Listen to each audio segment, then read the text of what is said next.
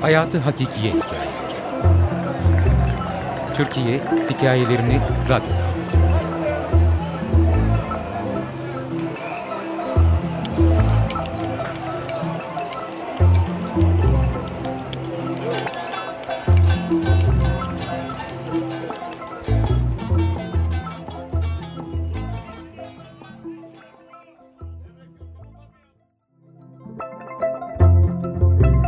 Hikmet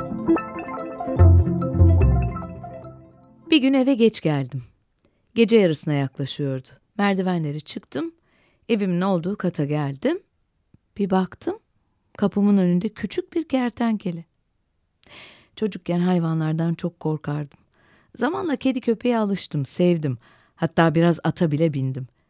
Küçük bir kızken babamdan hayvanlardan korkmamayı öğretmesini istemiştim. Ben de öbür çocuklar gibi hayvanlarla haşır neşir olabilmek istiyordum ama bir nedenle onlara yaklaşamıyordum. Babam bahçeden bir salyangoz yakaladı. Hayvanlara alışmaya salyangozla başladık. Babamın elindeki salyangozun kabuğuna dokundum. Sonra babam onu yavaşça yere bıraktı. Hayvancık kabuğunun içine çekildi tabii.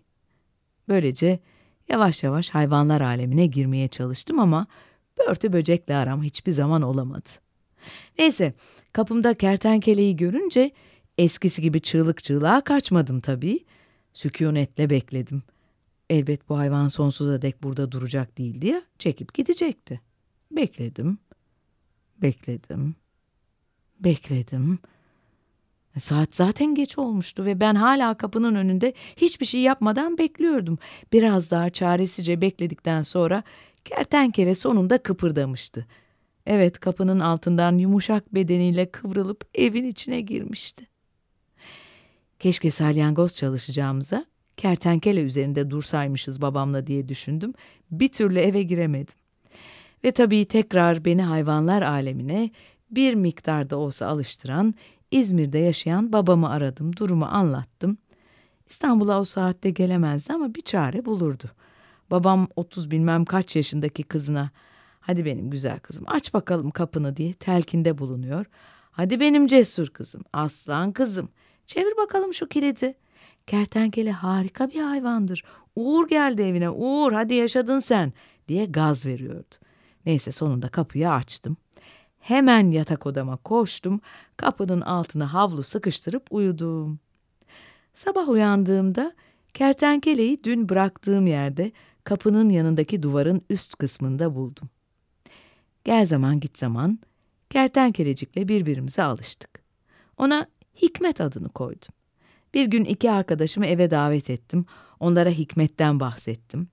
Apartmanın merdivenlerine hep birlikte çıkarken Hikmet'i gördük. Beni terk ediyordu. Babamı tekrar aradım. Baba, Hikmet beni terk etti.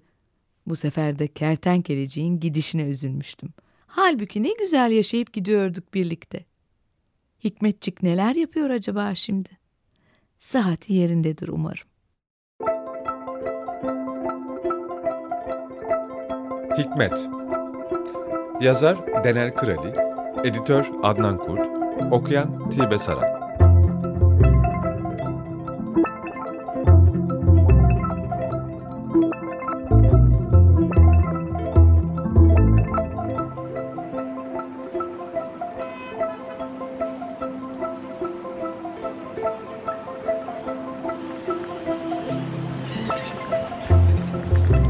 Hayatı Hakikiye Hikayeleri Türkiye Hikayelerini Radyo'da.